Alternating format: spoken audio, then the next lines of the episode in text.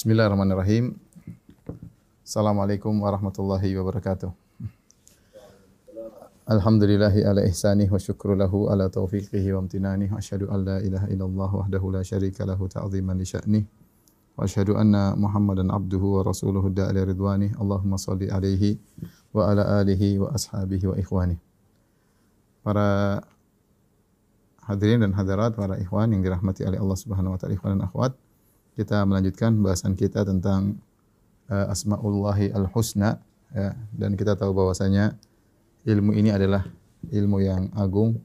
Sebagaimana perkataan para ulama syaraful ilmi bi syarafi ma'lumihi. Kemuliaan ilmu itu e, bergantung dengan apa yang dipelajari ya. Tentu tatkala kita mempelajari tentang Allah Subhanahu wa taala maka ilmu tersebut menjadi ilmu yang sangat agung.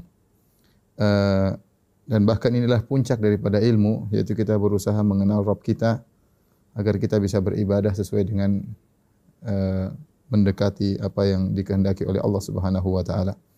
Pada kesempatan yang berbahagia ini uh, kita akan bahas tentang tiga sifat insyaallah taala atau tiga nama yang tiga nama tersebut memiliki keterkaitan erat yaitu Al-Alim, kemudian Al-Khabir dan Al-Latif ya. Al-Alim, Al-Khabir dan Al-Latif. Ya.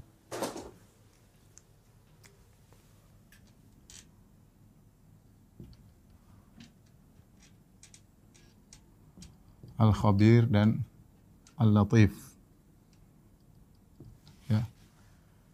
Uh, Al-Alim artinya maha mengetahui, ya. maha berilmu. Al-Khabir artinya maha mengetahui yang detail.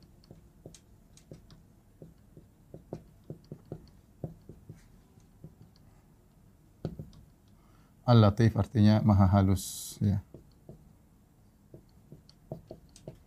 Ini tiga nama yang berkaitan. Taib yang pertama kita akan bahas tentang Al-Alim ya. Al-Alim ya. Uh, datang dalam beberapa bentuk di antaranya alim seperti alimul ghaibi kemudian juga ada alam ini semua maknanya sama. Alim alam ya. Alim alam dalam al, dalam Al-Quran datang alim, alam, yang yang paling banyak adalah al-alim. Bahkan disebutkan dalam Al-Quran, ya, al-alim dalam Al-Quran lebih dari 150 kali disebutin ya. kata al-alim. Yang maknanya adalah Allah Maha berilmu. Ya. Uh, adapun makna dari al-alim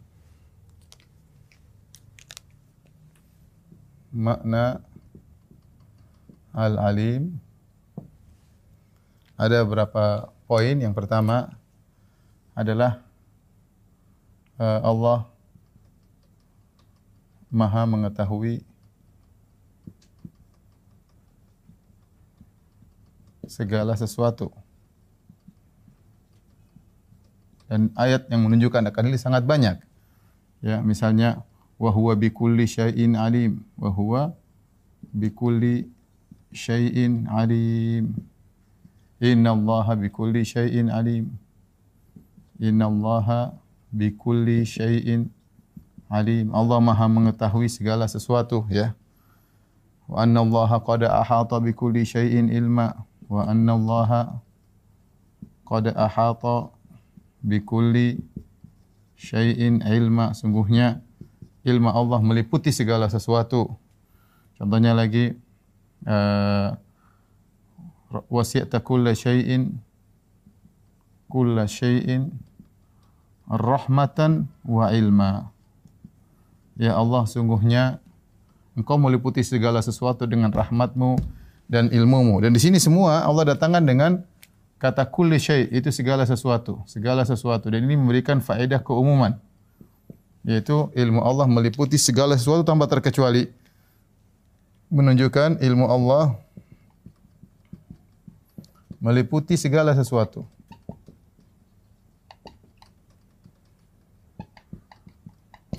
tanpa terkecuali Taib. Uh, pertanyaan ya.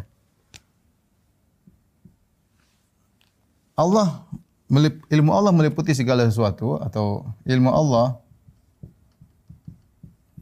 meliputi segala sesuatu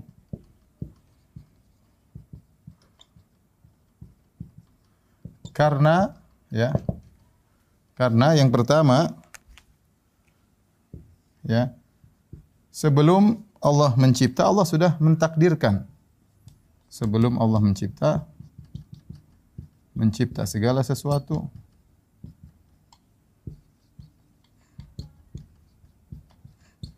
Allah sudah mentakdirkan terlebih dahulu. Allah sudah mentakdirkan, merencanakan. Sebagaimana pernah kita jelaskan, mentakdirkan yaitu merencanakan ya terlebih dahulu. Dan ini menunjukkan sebelum mencipta Allah sudah mengetahui, ya. Jadi jadi maksudnya sebelum mencipta Allah sudah mengetahui. mencipta makhluk, mencipta segala sesuatu, Allah sudah mengetahui segala sesuatu tersebut.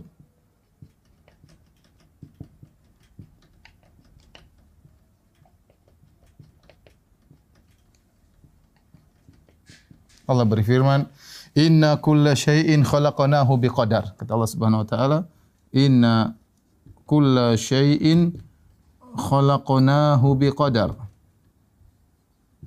Dalam surat uh, Al-Qamar. Sungguhnya kami menciptakan segala sesuatu dengan takdir. Semuanya sudah takdir. Maka uh, sebelum Allah ciptakan Allah sudah segala sudah mengetahui segala sesuatu. Wajar Allah mengetahui segala sesuatu karena sebelum Allah menciptakan Allah sudah mengetahui segala sesuatu. Poin yang kedua ya sudah merupakan konsekuensi, merupakan merupakan konsekuensi kelaziman yang menciptakan ya. Tahu tentang apa yang dia ciptakan. Tentang ciptaannya. Jelas ya. Oh, itu yang ciptakan kita Allah. Allah tahu semua. Allah ciptakan alam semesta Allah tahu semuanya. Karena semua ciptaan Allah Subhanahu wa taala. Makanya Allah mengatakan ala ala ya'lamu man khalaq wa huwal latiful khabir. Tidakkah yang menciptakan tahu apa yang dia ciptakan? Bukankah yang menciptakan tahu apa yang dia ciptakan? Jelas. Ala ya'lamu man khalaqa. Ya. ya. Tidakkah, bukankah yang menciptakan tahu apa yang dia ciptakan?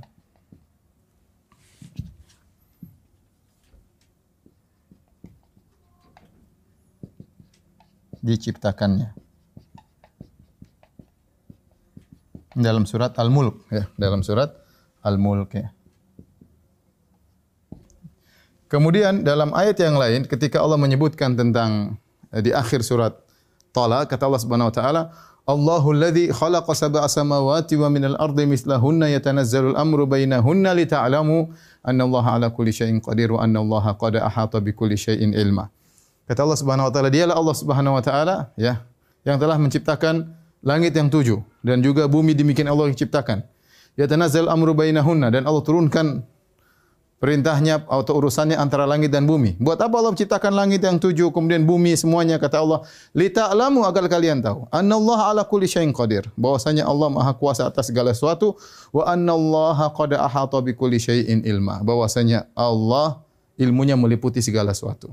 Jadi Dalil yang kedua ya Allah berfirman di akhir surat Al-Talaq Allahul ladzi khalaqa sab'a samawati wa minal ardi mithlahunna di akhir ayat kata Allah lita'lamu anna Allah ala kulli syai'in qadir wa anna Allah qad ahata bi kulli syai'in ilma. Ini konsekuensi logis. Ya, Allah kalau saya yang bikin misalnya, saya bikin donat, saya tahu tentang donat tersebut ya. Saya tahu karena saya yang bikin, logis.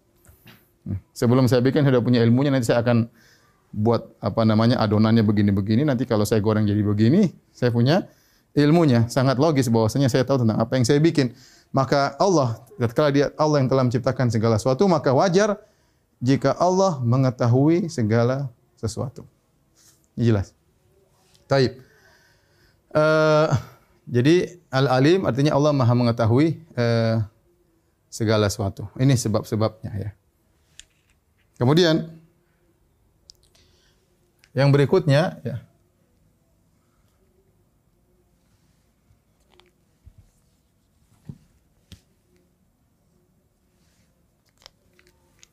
Pengetahuan Allah atau ilmu Allah meliputi ilmu Allah meliputi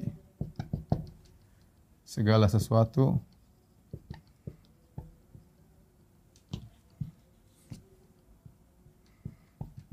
dari sisi ya Allah mengetahui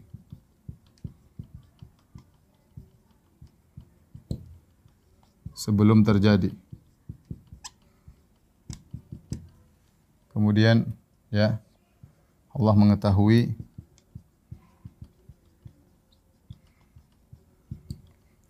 yang telah terjadi.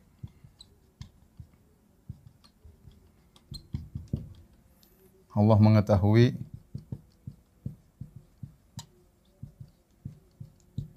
yang sedang terjadi. Kemudian Allah mengetahui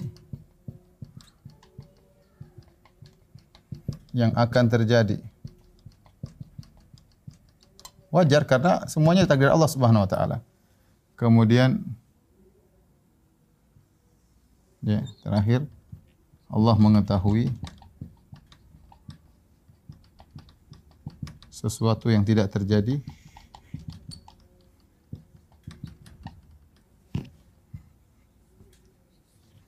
Sesuatu yang tidak terjadi. Seandainya terjadi terjadi maka bagaimana? Maka bagaimana juga Allah tahu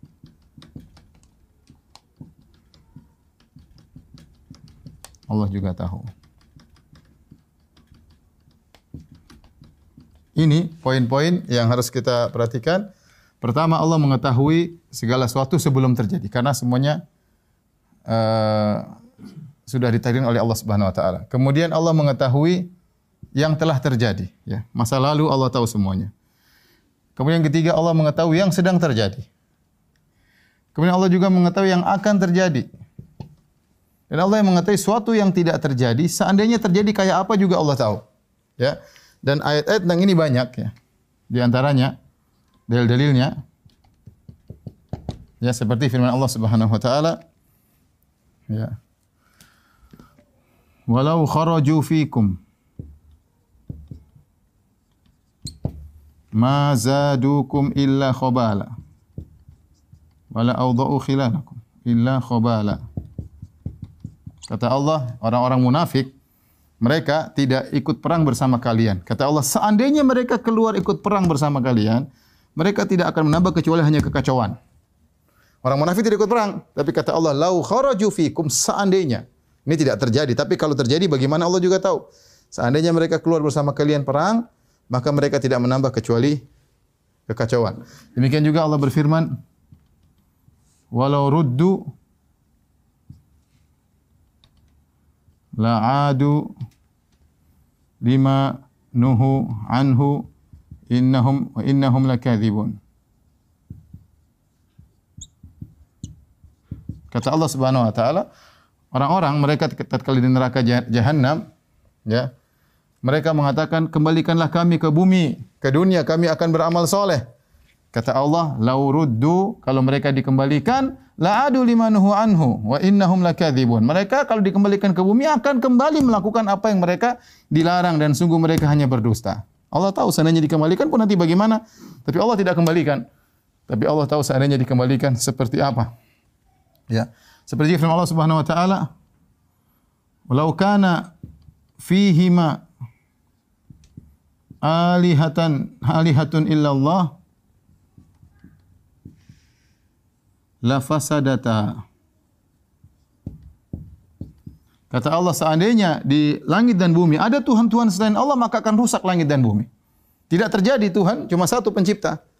Allah mengatakan seandainya ada Tuhan-Tuhan selain Allah maka akan terjadi kerusakan. Akan perang satu satu dengan yang lainnya. Ya.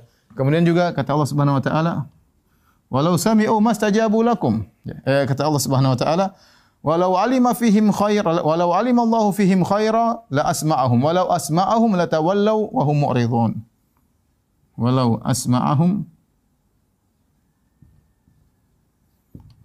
لتولوا وهم وهم معرضون ini dalam surat uh, Al-Anfal. Ya, kalau seandainya Allah membuat mereka mendengar orang kafir tersebut yang telinga mereka sudah dibuat tuli tidak mendengar ayat-ayat Allah, kalaupun mereka mau dengar, mau fikir, mereka pun tetap akan berpaling. Kata Allah Subhanahu wa taala. Uh, saya ingatkan kepada ikhwan-ikhwan, nanti mungkin kalau bisa download uh, Quran Tadabbur, kalau nyari-nyari gini gampang tinggal tulis searching bahasa Arab, tulis zadukum nanti keluar ya caranya. Jadi kalau saya tulis gini aja ya, mau terjemahkan terlalu lama, waktunya nggak cukup ya. Tapi ini ya, inilah yang berkaitan dengan ilmu Allah Subhanahu wa taala. Yang pertama, yang kedua, kemudian perkara yang ketiga, ya.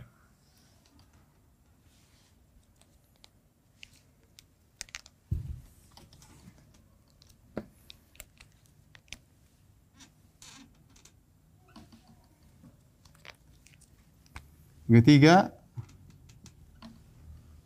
perbedaan antara ilmu Allah dengan ilmu makhluk ya.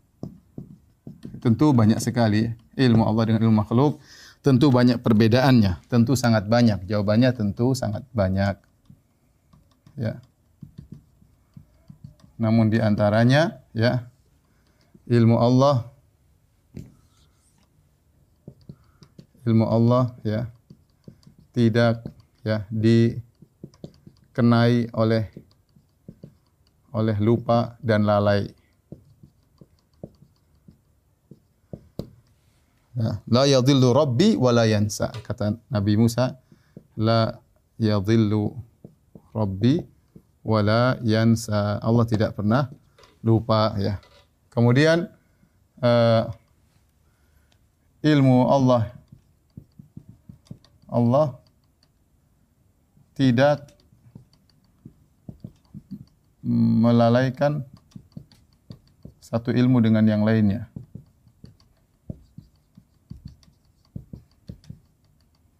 Maksudnya kita manusia ini, kita manusia. Kadang kita punya ilmu, misalnya kita punya ilmu 100. Tapi kalau kita sedang ngomong satu, kita yang lain yang lain kita lagi nggak fokus. Kita hanya fokus pada satu ilmu. Misalnya saya punya ilmu 10. Saya lagi ngomong satu nih. Yang lain saya tidak fokus, saya lagi ngomong saya. Tapi kalau Allah Subhanahu wa taala mengetahui ilmu semua, terfokus semuanya karena Dia Maha Maha berilmu ya. Maha berilmu. Taib. Ini berkaitan dengan sifatul ilm. Apa faedah dari belajar kita tahu Allah Maha berilmu? Faedah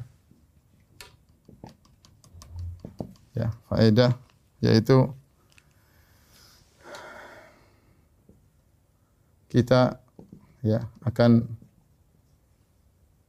takut ke, kepada Allah untuk bermaksiat ya. Kita takut karena Allah tahu segala sesuatu ya. Makanya kata Syekh Muhammad Al-Amin Syinqiti rahimahullah taala akbaru zajir wa akbaru wa'iz wa'iz yaitu yang paling yang bisa buat orang jera, orang takut adalah kalau dia yakin Allah Maha mengetahui. Kita bisa bayangkan misalnya di suatu negara uh, di, di satu negara, suatu RT misalnya dipasang CCTV semuanya. Kemudian CCTV tersebut langsung sambung ke Pak RT. Dan Pak RT terdengar terkesan sangat bengis, sangat kejam melihat orang satu melanggar, maka dia pasti akan menghukum. Saya rasa semua orang di RT tidak ada yang berani macam-macam. Kenapa? Setiap gerak mereka ada CCTV. Bahkan mungkin di, di badan mereka dipasang chip misalnya. Sehingga mereka tahu setiap gerakan mereka diamati. Mereka tidak berani macam-macam. Kenapa? Karena mereka tahu yakin bahwasanya PRT tahu semuanya. Ini kapan mereka nakal kalau CCTV-nya mati? baru mereka berani melakukan macam-macam. Ya. Tapi kalau CCTV-nya masih hidup, ya mereka berani melakukan tidak berani karena mereka tahu Pak RT mengetahui. Maka ini juga kalau kita tahu Allah Maha mengetahui apa yang kita lakukan, ya tentunya kita uh, tidak berani melakukan macam-macam ya. Meskipun kita bersendirian. Kapan kita berani? Karena kita terkadang iman kita kurang akan hal ini ya.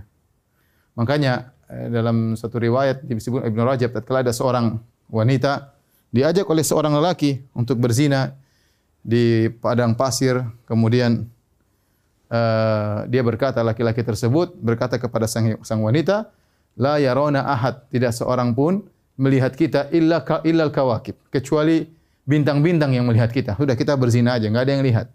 Kecuali bintang-bintang aja di langit yang melihat kita berzina. Apa kata sang wanita? Fa aina mukaukibuha? Mana pencipta bintang-bintang tersebut? Yaitu Allah Subhanahu wa taala. Allah Subhanahu wa taala. Maka ini di antara faedah utama uh, kata kita meyakini Allah Maha berilmu. Ya. Ini kita lanjutkan uh, limu yang berikutnya adalah al khabir. Tolong dihapus.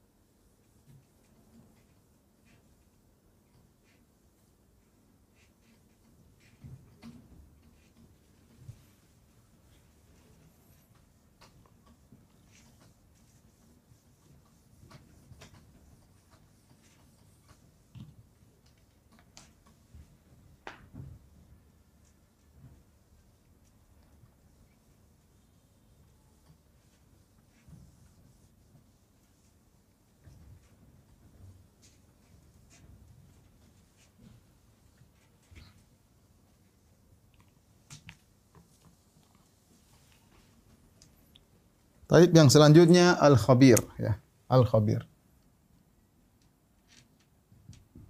Al-khabir yaitu maha mengetahui yang detail ya. Al-khabir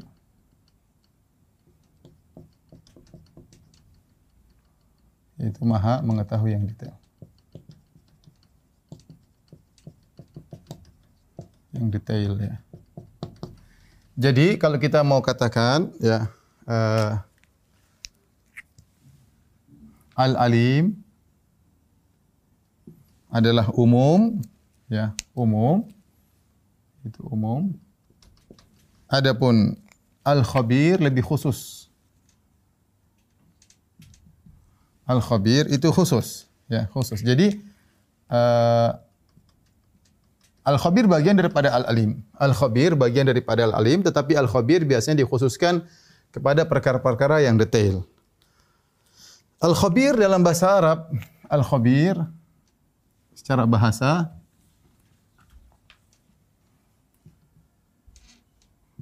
Al-khabir secara bahasa diambil dari al-khibrah. Khibrah itu kalau bahasa kita artinya ahli ya. Uh, ahli atau pakar ya. Ya. Jadi uh, sampai saking pakarnya dia tahu yang detail-detail ya. Ya. Kalau orang misalnya ada ahli apa namanya? ahli mobil, kita bilang oh ini khabir ini dia ngerti betul tentang detail-detailnya ya. Itu namanya khabir, ya pakar, ahli ya. Sampai saking ahlinya sampai saking ahlinya hingga tahu yang detail-detail. Hingga tahu yang detail-detail. Taib. Tadi kita sudah jelaskan tentang Al-Alim. Ya. Bahwasanya Allah maha mengetahui segala sesuatu. Ya. Telah dijelaskan. Ya. Allah maha mengetahui segala sesuatu. Karena Allah yang menciptakan.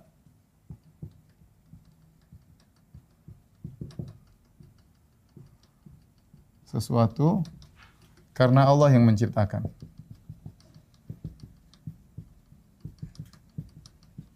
Sehingga Allah tahu mengetahui apa yang Allah ciptakan tersebut. Contoh ya. Kata Allah Subhanahu wa taala, ya. Wa ma tasqutu mi waraqatin illa ya'lamuha. Wa ma tasqutu mi waraqatin illa ya'lamuha.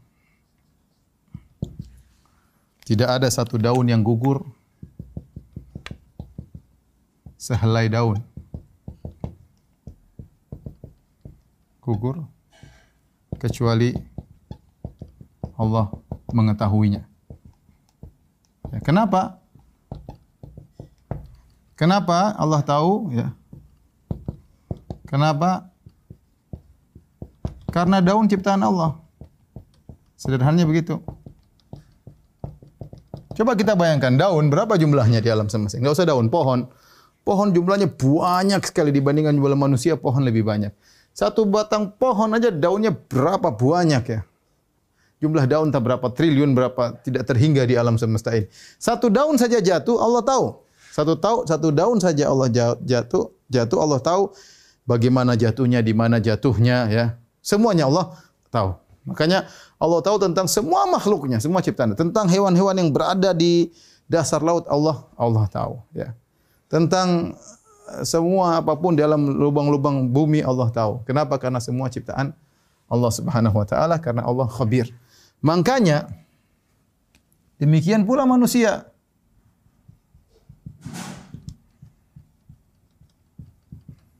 Manusia, perhatikan di sini. Manusia manusia ya yang ciptakan manusia adalah Allah.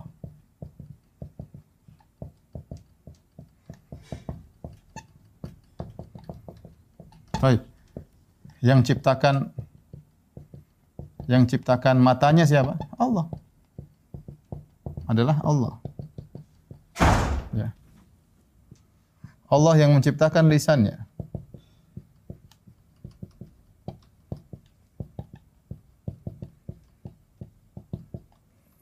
Allah yang menciptakan hatinya, jantungnya.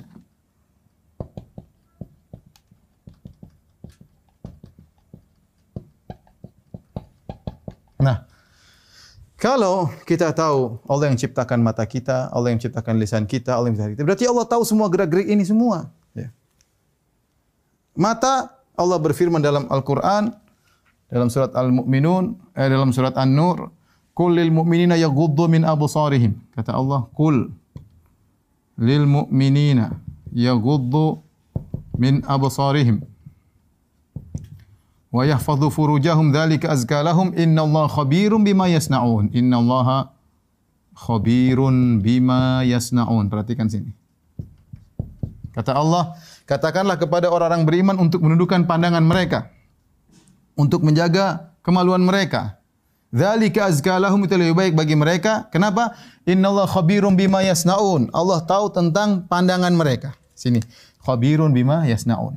Kata para ulama, Kenapa ketika Allah berbicara tentang pandangan, Allah menggunakan kata khabir. Khabir artinya alim sama saja, tapi alim pada perkara yang detail. Karena masalah pandangan ini tidak ada yang tahu. Sekarang kita ngobrol sama orang lagi sama teman kita, kemudian kita melirik cewek, teman kita mungkin depan kita nggak ngerti. Tapi Allah tahu kita ngelirik cewek misalnya.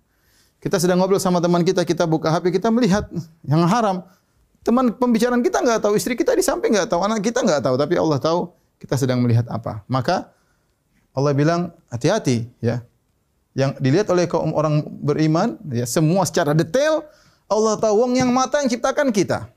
Kata Allah, "Alam naj'allahu ainain?" Bukankah kami telah menciptakan bagi mereka kedua mata? Wa lisana wa syafatain? Bukankah kami telah menciptakan lisan dan dua bibir? Ya. Makanya semua yang diucapkan lisan juga Allah yang tahu karena Allah walisanan, Allah yang ciptakan lisan. Apalagi Allah pasang malaikat, ya untuk mencatat setiap perkataan. Ma yalfidhu min qaulin illa ladaihi atid. Ya. Kemudian juga Allah yang menciptakan hati, maka gerak-gerik hati Allah tahu. Seorang ikhlas, seorang ria, seorang sombong, seorang angkuh, seorang tawadhu, seorang sok suci, seorang sok, semua Allah tahu isi hati meskipun kita sembunyikan dalam relung hati yang paling dalam. Allah berfirman dalam Al-Qur'an, ya, ya'lamu kha'inatal a'yun. Ya'lamu kha'inatal a'yun wa ma tukhfis sudur. Wa huwa alimun bidzati sudur. Banyak lama tersebut. Allah mengatakan Allah mengetahui Khainatul ayun, pengkhianatan pandangan mata yang melihat yang haram, Allah tahu. Lirik kanan, lirik kiri, lirik ke bawah, lirik ke atas, Allah tahu. Harus kita harus yakin Allah khabir, Allah khabir, Maha tahu secara detail. Setiap kita yang pandang secara detail, visual yang kita lihat secara detail, Allah tahu. Wa ma sudur. Dan Allah tahu isi hati kita. Kita bicara seakan-akan ikhlas tapi kita riak, Allah tahu. Kita bicara seakan-akan kita begini tapi dalam hati kita menyembunyikan sesuatu, Allah tahu. Ya, kenapa? Karena Allah adalah Al-Khabir. Allah adalah Al-Khabir. Maka seorang waspada tatkala bermaksiat kepada Allah Subhanahu wa taala. Apa faedah dari kita meyakini sifat Al-Khabir atau uh, beriman tentang Al-Khabir? Faedah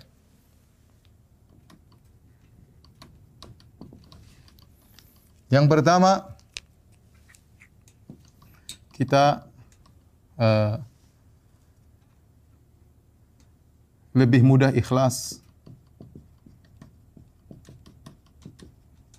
karena yakin Allah melihat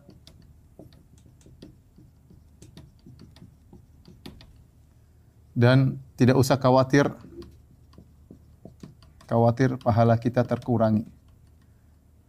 Tidak usah khawatir ada amal soleh kita yang tidak tercatat.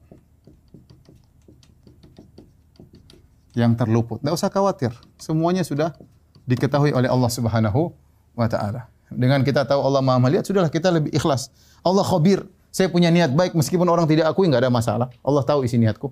Meskipun saya tidak usah ungkapkan dalam status ya, meskipun saya tidak ungkapkan dalam komentar, meskipun saya tidak usah bikin jumpa pers, Allah tahu isi hati saya. Kita lebih ikhlas. Kita yakin Allah sudah melihat, sudah selesai. Tidak butuh kita pengakuan netizen dan yang lainnya. Kebahagiaan saya bukan pada netizen. Yang kedua, kita waspada untuk bermaksiat. Waspada untuk tidak bermaksiat. Karena Allah tahu tahu dosa kita secara detail. Dosa-dosa kita secara detail. Apa Allah berfirman? Innahu kana uh, bidhunubi ibadi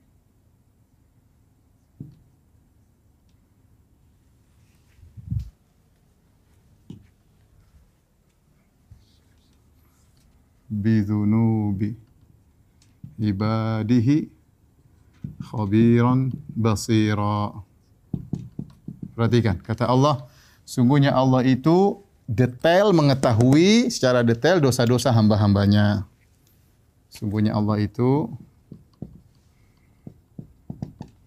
Allah mengetahui ya secara detail dosa-dosa hamba-hambanya.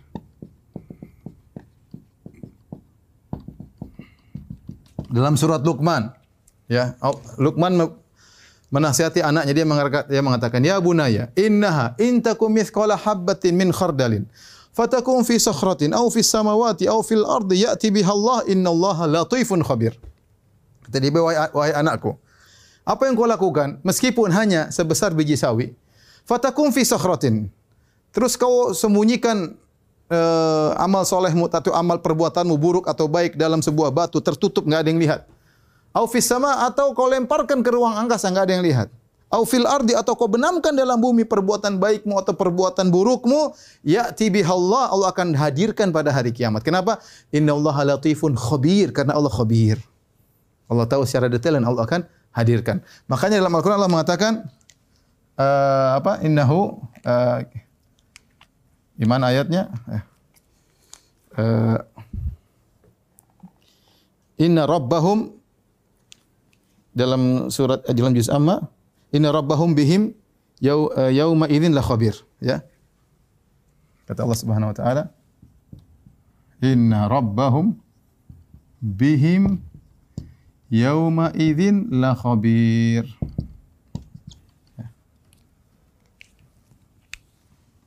Kata Allah Subhanahu sungguhnya Rob mereka bihim, sungguhnya Rob mereka bihim kepada mereka pada hari kiamat. Pada yauma idzin pada hari kiamat. Yauma tubalus sarair, ya. Pada hari di mana rahasia terbongkar pada hari kiamat. Khabir lah khabir sungguh Allah pada hari kiamat tahu tentang mereka secara detail. Maksudnya apa? Allah tahu mereka secara detail. Mereka secara detail pada hari kiamat. Hari kiamat untuk apa? Untuk membalas secara detail. Kata para ulama, bukankah Allah mengetahui hamba-hambanya secara detail di dunia dan di akhirat? Ya Allah tahu, Allah tahu kita sekarang secara detail. Tetapi kenapa dikhususkan yauma idzin pada hari kiamat? Allah tahu mereka secara detail untuk menjelaskan bahwasanya balasan Allah juga detail berdasarkan apa yang Anda lakukan, kebaikan maupun kemaksiatan. Inna rabbahum bihim yauma idzin khabir. Sungguhnya Allah Rabb mereka sangat detail tahu tentang mereka pada hari tersebut, pada hari kiamat di akhirat untuk membalas mereka. Di antara faedah kita mengerti al-khabir. Ya.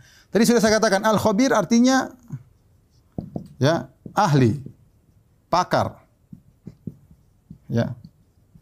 Maka kita akan tenang. Maka kita akan tenang dan husnudzon husnudzon kepada Allah atas segala keputusannya. Kenapa? Karena Allah tatkala mentakdirkan sesuatu bukan main-main. Allah pakar. Dia tahu apa yang dia takdirkan, dia tahu apa yang dia tetapkan. Bukan sembarang orang penemu-penemu enggak pembuat ini asal bikin apa namanya uh, praktek pertama, praktek kedua enggak Allah maha detail dan dia tahu apa yang dilakukan karena Allah adalah pakar. Makanya Allah berfirman, "Walau basatallahu rizqa li ibadihi." Walau basatallahu rizqa li ibadihi labaghaw fil ard. Walakin yunazzilu biqadarin ma yasha. Innahu biibadihi biibadihi khabirun basir. Perhatikan kata Allah, kalau seandainya Allah membentangkan rizki, semuanya dikasih kaya hamba-hambanya. La bagau fil ardi, maka mereka akan melakukan kerusakan di atas muka bumi, maksiat dan macam-macam sombong, angkuh dan yang lainnya. Walakin yunazzilu biqadarin, tapi Allah turunkan sesuai dengan apa yang Allah kehendaki. Kalau si fulan dapat duit sekian, si fulan rezekinya sekian, Allah tahu secara detail karena dia khabir. Allah setelah itu menutup ayatnya dengan mengatakan innahu bi ibadihi khabirun basir. Sungguhnya Allah itu maha khabir tentang hamba-hambanya. Makanya kita husnudzon, kita dapat rizki, ya sudah. Kita tahu Allah tahu yang terbaik buat kita. Karena Allah adalah ahli, pakar. Tidak boleh kita suudzon kepada Allah Subhanahu wa taala. Sudah, memang kita patah segini, kita enggak tahu kalau kita kasih banyak mungkin kita malah kacau ya. Ya wa rabbuka ya, ya, inna inna inna inna, inna rabbaka yabsutu rizqa liman yasha'u Wa yaqdir innahu kana bi ibadihi khabiran basira. Dalam ayat yang lain kata Allah, sungguhnya Allah itu membentangkan rizkinya dan menyempitkan rizkinya. Kenapa? Innahu kana bi ibadihi khabiran basira. Karena Allah khabir terhadap hamba-hambanya. Jadi dengan demikian kita akan uh, kepada Allah bahwasanya Allah Maha tahu apa yang Dia kerjakan ya. Ini di antara faedah uh, dari Al-Khabir. Selanjutnya kita masih ada satu lagi, Al-Latif ya. Tolong dihapus.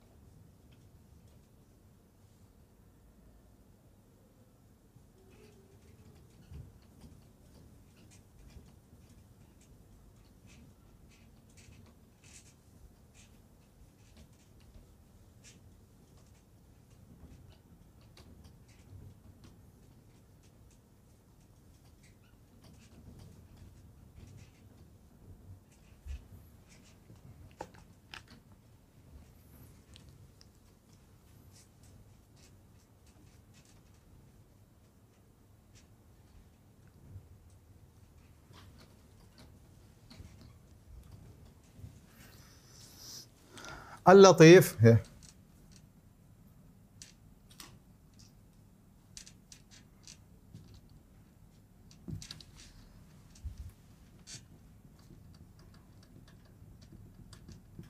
yaitu maha lembut.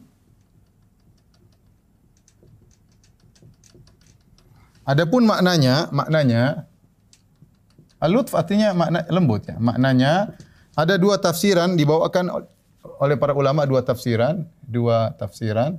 Sebagaimana disebutkan oleh Ibnu Qayyim dalam Nuniyahnya. Tafsiran yang pertama, Al-Latif. Al-Latif sama dengan Al-Khabir. Yaitu maha mengetahui yang detail. Maha mengetahui yang detail. Ya, hanya saja, hanya saja, hanya saja Al-Latif lebih ya lebih fokus kepada detail kepada detail adapun al khabir ada tambahan makna tambahan makna pakar tadi yang sudah kita jelaskan al khibrah yaitu pakar ya. Tadi sudah kita jelaskan al khabir ya. Oleh karenanya dalam Al-Quran digandengkan, Latif dan Khabir sering digandengkan. Ya. Ya, kalau Al-Khabir disebutkan sekitar 45 kali, Al-Latif sering digandengkan dengan Al-Khabir. Tadi seperti dalam surat Luqman tadi, Ya bunaya innaha intakum mithqala habbatin min khardalin fatakum fi sakhratin aw fi samawati aw fil ardi ya'ti biha Allah, innallaha latifun khabir. Latifun khabir. Ya. Wahai putraku, sungguhnya kalau melakukan apa pun, sekecil apa pun kau simpan di langit, kau masukkan dalam batu, kau benamkan dalam tanah, Allah akan menghadirkannya pada hari kiamat. Kenapa? Karena Allah Maha lembut dan Allah Maha khabir, Maha mengetahui. Taib. Jadi Al-Latif maknanya mirip dengan khabir. Ini sudah kita bahas Al-Khabir. Makna kedua, makna kedua Al-Khabir artinya Maha lembut yaitu Allah uh, memberikan kebaikan kepada hamba-hambanya kepada hamba-hambanya kepada hambanya dengan cara yang halus yang halus ya. Ya cara yang halus yang terkadang tidak disukai oleh sang hamba tidak disadari. Bahkan tidak disukai oleh sang hamba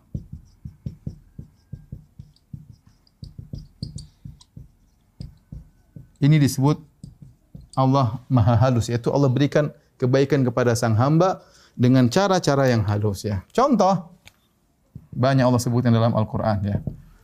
Contoh, misalnya Allah sebutkan tentang kisah Nabi Musa. Eh, kisah uh, Nabi Yusuf, Nabi Yusuf alaihissalam. Nabi Yusuf alaihissalam ketika Allah ingin mengangkat derajatnya, Allah datangkan kebaikan tersebut dengan cara yang halus, dengan waktu yang lama, perlahan demi perlahan, tanpa disadari. Ternyata dari musibah satu ke musibah yang lain, akhirnya ternyata adalah kenikmatan, anugerah. Ya, kalau kita mau rumuskan, kisah Nabi Yusuf itu musibah, ya, musibah satu, ya, tambah musibah dua. Apa musibah satu? Ya, dimusuhi kakak-kakaknya, hasad kakaknya. Ya. Musibah kedua dimasukkan sumur, masukkan sumur. Kemudian musibah ketiga, apalagi setelah setelahnya dijual jadi budak, budak. Kemudian tambah lagi musibah keempat, musibah tiga, musibah empat apa? E, dituduh berzina di penjara ya. ya. Karena tidak mau diajak zina.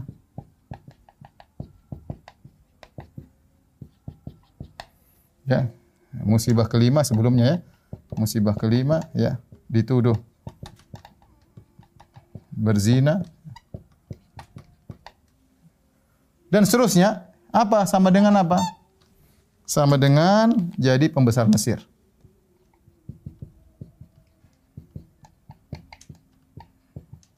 jadi pembesar Mesir. Jadi maksud saya Allah mendatangkan anugerah bagi Nabi Yusuf alaihissalam dengan musibah satu, musibah dua, musibah tiga, musibah empat, musibah lima dan musibah berikutnya. Yang ini semua perjalanannya lama, lama dan halus. Ini bukan setahun dua tahun, ada yang mengatakan puluhan tahun. Ternyata apa yang Allah kehendaki, dia menjadi pembesar Mesir. Makanya di akhir ayat kata Allah Subhanahu wa taala, ya. Uh, ketika Nabi Yusuf ketemu dengan ayahnya dia mengatakan ya abati hadza ta'wilu ru'ya ya min qabl qad ja'alaha rabbi haqqan ya. Wa qad ahsana bi id akhrajani min asijin wa jaa bikum min al badwi min ba'di an nazaga syaitanu baini wa baina ikhwati inna rabbi latiful lima yasha. Kata Nabi Yusuf alaihissalam ketika dia mendapat nikmat dia cerita kepada bapaknya dia mengatakan inna rabbi latifun lima yasha innahu huwal alimul hakim setelah dia mengatakan ya ayahanda inilah mimpiku yang telah diwujudkan oleh Allah Allah keluarkan aku dari penjara, Allah pertemukan aku dengan kakak-kakakku sebelumnya kita diadu domba oleh syaitan. Allah datangkan kalian dari uh, pedalaman menuju kota Mesir. Kemudian dia berkata, "Inna rabbi latiful lima yasha." Sungguhnya Rabbku maha lembut dengan apa yang dia kehendaki. Itu contoh bagaimana Allah datangkan kebaikan kepada seseorang terkadang pada bentuk yang dia tidak sukai padahal itu anugerah. Padahal itu anugerah. Contoh seperti kisah Nabi Yusuf, eh, kisah Nabi Musa. Bagaimana Allah datangkan ke, ke, kenikmatan kepada ibunya Nabi Musa ini sudah sering kita ceritakan melalui perkara yang tidak menyenangkan ya. Allah suruh ya masukkan Nabi Musa ke dalam keranjang atau dalam tabut dalam kotak, lemparkan ke sungai Nil ya. Ternyata Nabi Musa si kecil tadi tidak jadi dibunuh, kemudian tinggal di kerajaan Firaun, kemudian ibunya dipanggil untuk nyusui, tinggal langsung ke tiap hari. Jadi pagi hari masih nangis, sore sudah ketemu dengan anaknya. Sehingga Nabi Musa akhirnya tumbuh berkembang. Ya, Allah yang jaga. Padahal yang tidak disukai oleh ibunya ternyata mendatangkan kebahagiaan. Allah maha lembut. Ya. Contoh lagi, Allah sebutkan tentang istri-istri Nabi. Antum melihat dalam surat Al-Ahzab, ya. Dalam surat Al-Ahzab, eh, lihat surat Al-Ahzab ayat 28 sampai 34. Kisah istri-istri Nabi.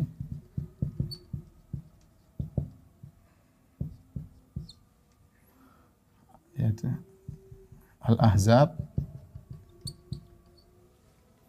ayat 28 sampai 34. Allah Subhanahu wa taala berfirman dalam ayat tersebut, "Ya ayuhan nabi, qul li azwajika in kuntunna turidul hayatad dunya wa zinataha fata'alaina umatti'kunna wa sarrihkunna sarahan jamila." Taib azan, uh, insyaallah habis azan kita lanjutkan ya. Uh,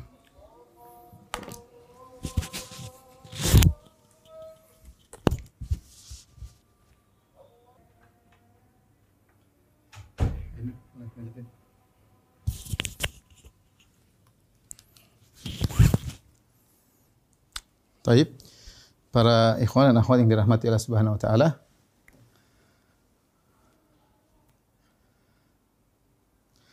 Para ikhwan dan akhwat yang dirahmati Allah Subhanahu wa taala, kita lanjutkan di antaranya Allah menyebutkan namanya Al-Latif dalam surat Al-Ahzab ayat uh, eh, 28 sampai 34 ya. Saya bacakan Allah berfirman, "Ya ayuhan nabiyyu qul li azwajika" Wahai Nabi katakanlah kepada istri-istri kalian, in kuntunna turinil hayatad dunya wa zinatah. Jika kalian menghendaki kehidupan dunia dan perhiasannya. Fata'alaina umatti'kunna wa usarrihkunna sarahan jamilah. Maka kemarilah aku akan berikan kalian mut'ah itu beberapa kesenangan dan aku akan menceraikan kalian dengan cerai yang baik. Wa in kuntunna turinallaha wa rasulahu wa darul akhirah. Tapi kalau kalian ingin Allah dan Rasulnya dan ingin hari akhirat, fa inna Allah adalil muhsinati minkunna ajran azimah. Sungguhnya Allah menyiapkan bagi orang-orang yang baik di antara kalian pahala yang besar. Ya nisa'an Nabi, wahai istri-istri Nabi. Man ya'ti min kunna bi fahishatin mubayyinatin yudha'af lahal adzabu dhi'fain wa kana dzalik 'ala Allah yasira. Barang siapa di antara kalian melakukan perbuatan keji yang jelas akan dilipat gandakan adab dua kali lipat dan itu sangat mudah bagi Allah. Wa may yaqtut min kunna lillahi wa rasulih wa ta'mal salihan. Barang siapa yang uh, beribadah kepada Allah dan tunduk kepada Rasulnya dan menjalankan amal soleh, nu'tiha ajraha marratain, kami akan berikan pahala dua kali lipat, wa atadna laha rizqan karimah dan kami siapkan rizki yang mulia itu di surga. Perhatikan di sini. Setelah itu Allah lanjutkan. Ya nisa an nabi, lastunna ka ahadin minan nisa. Kalian tidak seperti wanita-wanita yang lain. Ini taqwaitunna dengan syarat kalian bertakwa. Fala takhdha'na bil qaul, maka janganlah kalian mendayu-dayukan suara kalian. Fayat ma'alladzi fi qalbihi marad. Akan ada laki-laki yang mendengar yang ada penyakit hati di hatinya akan condong kepada kalian. Wa qulna qawlan ma'rufa dan ucapkanlah perkataan yang baik. Wa qarna fi buyutikunna ya. Dan tenang tetaplah kalian di rumah-rumah kalian, jangan suka keluar. Wala tabarrajna tabarrujal jahiliyatil ula dan jangan kalian berhias dengan cara berhias di zaman jahiliyah.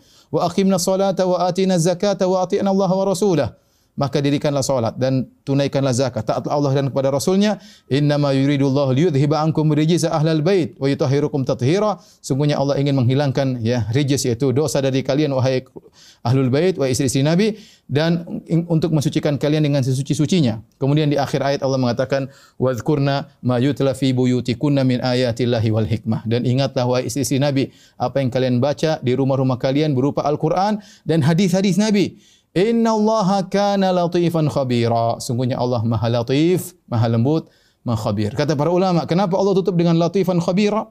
Karena dalam ayat ini Allah menjelaskan wahai istri Nabi jangan sering keluar rumah. Ada peraturan-peraturan. Berkatalah dengan kata-kata yang jangan mendayu-dayu, sabar dengan kehidupan bersama Nabi yang penuh kesulitan, jangan mencari dunia, jangan begini, jangan aturan-aturan yang mungkin sebagian wanita tidak suka dengan aturan tersebut ya. Inginnya kemewahan, inginnya misalnya keluar-keluar rumah ya, inginnya berbicara seenaknya, tapi Allah ingatkan, sungguhnya Allah latif khabir. Inna Allah kana latifan khabira. Sungguhnya Allah latif. Allah mensyariatkan hal ini demi kebaikan kalian wahai istri-istri Nabi. Ya Allah bawakan kebaikan kepada kalian. Oleh karenanya uh, inilah makna yang kedua ya yang harus kita perhatikan para pemirsa yang dirahmati oleh Subhanahu wa taala bahwasanya Allah memiliki sifat atau makna al-khabir ya Makna yang pertama maha mengetahui segala sesuatu secara detail. Yang kedua Allah memberikan kebaikan kepada hamba-hambanya. Terkadang tidak dia sadari, bahkan terkadang tidak disukai. Apa faedah dari mengetahui hal ini? Ya. Faedah yang pertama, ya, selalu husnuzan. Selalu husnuzan kepada Allah. Husnuzan berbaik sangka kepada Allah. Ya. Karena bisa jadi Allah mendatangkan kebaikan dengan cara yang tidak kita sukai. Karena bisa jadi Allah mendatangkan kebaikan dengan cara yang tidak sukai. Ini poin yang sangat penting harus kita sadari. Senantiasa husnudzon kepada Allah Subhanahu uh, wa taala. Kemudian yang kedua tadi uh, bahwasanya uh, selalu ya semangat melakukan kebajikan kebajikan meskipun sedikit karena Allah maha detail, maha detail, eh, maha detail dalam mencatat amalan hamba. Tidak ada yang terluput. Dan saya selalu menasihati diri saya ya, kapan kita ada niat melakukan kebajikan jangan tunda-tunda. Saya ingatkan ini buat kebaikan. Misalnya apa? Kadang terbetik kita ingin sholat duha, segera sholat duha, jangan tunda-tunda. Itu Allah sedang kasih hidayah kepada diri kita dan Allah pasti catat Allah pasti tahu ya. Kapan kita ingin beri sedekah kepada orang? Jangan tunda-tunda. Lagi lagi niat langsung kerjakan. Jangan tunda-tunda. Mungkin satu jam lagi udah berubah nggak jadi. Dan itu sering terjadi kalau kita tunda-tunda. Lihat orang kasihan langsung kasih. Ada pingin bantu orang pingin telepon ibu langsung telepon ibu. Ingin jenguk orang tua langsung jenguk orang tua selama tidak ada halangan. Jangan pernah nunda-nunda.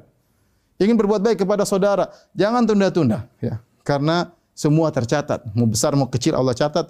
Dan tidak usah kita ragu-ragu. Pasti ada balasannya pada hari akhirat kelak. Demikian para pemirsa yang dirahmati Allah Subhanahu wa taala, balikan kepada Bang Pitung kalau ada yang bertanya saya persilakan. Oh, jadi uh, kenapa Allah uh, memiliki malaikat-malaikat yang Allah memberikan tugas masing-masing ya. Kita katakan bahwasanya Allah punya hikmah yang Allah kehendaki. Allah memberikan sunnatullah sunnatullah, Allah menciptakan sebab akibat melalui sebab ya. Bisa saja Allah menciptakan manusia tanpa ayah dan ibu. Bisa tiba-tiba muncul kita, tapi ada hikmah di balik ada ayah, ada ibu, ada pertemuan, ada rasa cinta, ada kehidupan keluarga. Bisa saja Allah menciptakan anak seperti Adam dan Hawa tanpa ayah dan tanpa ibu, ya. Allah bisa menciptakan alam semesta ya, tanpa malaikat, tanpa enam hari, tinggal kun fayakun jadi. Tapi kata para ulama, kenapa Allah menciptakan alam semesta atau langit dan bumi dalam waktu enam masa di antaranya malaikat untuk melihat hal itu semua agar mereka tidak menyangka bahwa ini terjadi dengan tiba-tiba, tapi ada uh, proses yang Allah sengaja buat proses tersebut agar seorang melihat keagungan Allah Subhanahu wa taala. Kenapa bayi dalam perut harus melalui air mani, kemudian menjadi ini, menjadi anu, kemudian baru bertahap. Allah bisa ciptakan langsung keluar tanpa tanpa harus demikian demikian. Jadi uh, dan Allah ingin menunjukkan bahwasanya dengan adanya malaikat kalau seandainya misalnya ini saya sekedar mengira-ngira saja. Seandainya manusia tidak beriman kepada Allah, ada malaikat-malaikat Allah yang tidak pernah bermaksiat la mereka tidak pernah membangkang apa yang Allah perintahkan meskipun tugas mereka berat. Wala yaf'aluna ma dan mereka senantiasa mengerjakan apa yang mereka di, mereka diperintahkan. Kemudian kalau orang-orang tidak mau beribadah kepada Allah, maka di sisi Allah Subhanahu wa taala ada para malaikat yang senantiasa beribadah kepada Allah wahum la yas'amun. Mereka tidak pernah bosan beribadah. Wahum la yafturun. Mereka tidak pernah letih dalam beribadah. Bahkan Allah ciptakan ada malaikat-malaikat tugasnya ibadah saja. Ya, sampai Nabi mengatakan at-tatis sama wa anta'id terdengar suara langit krek gitu, ada dengar suara seperti itu. Kenapa? Karena penghuni langit sangat banyak. Tidak ada empat jari kecuali ada malaikat rokik sajid, ada malaikat sedang ruku, ada malaikat sedang sujud. Ya terserah Allah ciptakan pasukan yang begitu banyak. Wa ma ya'lamu junuda rabbika illahu. Tidak ada yang mengetahui tentang jumlah pasukan Allah Subhanahu wa taala kecuali Allah Subhanahu wa taala. Jadi di antara hikmahnya itu Allah membuat sebab dan dan akibat. Seandainya uh, Allah semua kun fayakun semua bisa terjadi ya. Tapi Allah ada sebab dan dan akibat ya. Untuk menunjukkan Allah punya eh, makhluk-makhluk uh, yang taat ya, yang diperintahkan selalu nurut di antaranya malaikat. Wallahu alam bisawab tentu ada hikmah-hikmah di balik itu yang akal saya mungkin tidak sampai. Ya, ada yang bertanya selanjutnya?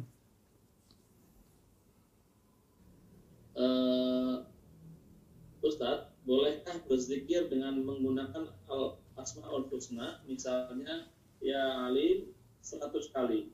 Bagaimana cara berzikir sesuai sunnah dengan menggunakan Asmaul Husna? Jadi kita menyebut nama-nama Allah dalam rangka sebagai tawasul. Adapun ya alim, ya alim, ya alim doang tanpa ada tujuan, maka itu tidak sesuai dengan sunnah. Karena Allah berfirman, ya, walillahil asmaul husna fad'uhu biha. Allah memiliki nama-nama yang terindah, maka berdoalah dengan nama-nama tersebut. Boleh seorang mengatakan ya Alim, ya Alim, ya Ghafur, ya Rahman, kemudian dia minta. Ya, kemudian dia dia minta. Adapun zikir-zikir yang syar'i biasanya maknanya lengkap. Misalnya Allahu Akbar, ya Allah Maha Besar. Maknanya selesai. Subhanallah, Maha Suci Allah, bisa dipahami. La ilaha illallah, tidak ada yang berhak disembah kecuali Allah Subhanahu wa taala. La haula wala quwata illa billah. Tidak ada daya upaya kecuali Allah Subhanahu. Adapun alim, alim, alim, alim. Maknanya tidak sempurna kecuali kita gunakan sebagai tawasul. Kita boleh mengatakan, ya alim, ya alim, ya alim, ya khabir, engkau yang mengetahui kondisiku. Jadi kita bertawasul setelah kita menyebut ya alim, ya khabir, ya latif, ultuf bina ya Allah berikanlah kebaikan kepadaku dengan kelembutanmu boleh. Tapi kalau hanya ya latif, ya latif, ya latif, ya latif, ya latif tanpa ada tujuan, maka itu tidak disunahkan oleh Nabi Shallallahu alaihi wasallam. Nabi tidak menyebut nama-nama Allah kecuali untuk bertawasul ya Ya, adapun dihitung 100 kali, 1000 kali, tidak ada contohnya dari Rasulullah sallallahu alaihi wasallam. Ya, wallahu alam bisawab. Baik Ustaz. Selanjutnya pertanyaan dari saudara Hanum Fatia Amrullah di Depok. Silakan untuk bertanya langsung, Ahi Hanum. Assalamualaikum warahmatullahi wabarakatuh. Waalaikumsalam warahmatullahi wabarakatuh. Uh, yang saya tahu kan ada sebagian dari Ustadz dari Ash'ariyah yang membagi sifat-sifat Allah menjadi 20. Nah itu bagaimana uh, terkait hukum dari perbuatan tersebut. Uh, sementara yang kita tahu sifat-sifat Allah itu tidak terbatas dari Al-Quran maupun wasunnah. Uh, tidak sesuai dengan tauhid, hmm. tauhid, tauhid, tauhid, tauhid uh, al sifat, eh, yeah. al usna wasifat. Yeah. Uh, jadi uh, ini uh, mereka menetapkan sebenarnya hanya tujuh sifat ya yaitu apa namanya al hayat kemudian asami kemudian al hayy yaitu al, mereka menetapkan sifat al hayat maha hidup asama maha mendengar al basar maha uh, melihat kemudian sifatul kalam yaitu maha uh, berbicara kemudian ada al ilm maha berilmu kemudian al qudrah maha berkuasa al iradah maha berkehendak ini tujuh Sifat ini aja yang mereka tetapkan. Tujuh nama eh, tujuh sifat ini yang mereka tetapkan. Ya. Sementara nama-nama selain daripada tujuh ini, ya selain Al-Hayyu, Al-Sami, Al-Basir, Al-Qadir, ya, mereka mereka takwilkan, tidak masuk akal mereka ya. Dan ini sudah kita bahas dalam masyarakat akidah wasitiyah sehingga 7 menjadi 20. Sebenarnya sebenarnya cuma 7. Saya sudah jelaskan. Bisa antum nanti uh, nonton kembali secara akidah wasitiyah seri ke-8. Kalau tidak salah seri 8, 7 dan 8 silakan didengarkan. Saya jelaskan secara detail apa maksud saudara-saudara kita dari golongan Asy'ariyah tatkala menetapkan 20. 20 itu maksudnya cuma cuma 7. Adapun 13-nya itu hanya syarah dari 7 ini. Ya. Adapun kita Ahlus Sunnah wal Jamaah setiap nama mengandung mengandung sifat. Kalau nama Allah misalnya 100 ya 100 eh, sifat apalagi lebih daripada itu. Cuma banyak sifat nama-nama Allah yang tidak kita ketahui ya. Jadi tidak kita batasi sifat Allah cuma 7. Ini Asy'ariyah. Kalau Jahmiyah lebih sedikit lagi, mereka hanya menetapkan dua kalau tidak salah cuma kudrah sama ilmu itu pun mereka mengatakan ini cuma majas dan yang lainnya. Mu'tazilah menolak semua sifat, ya.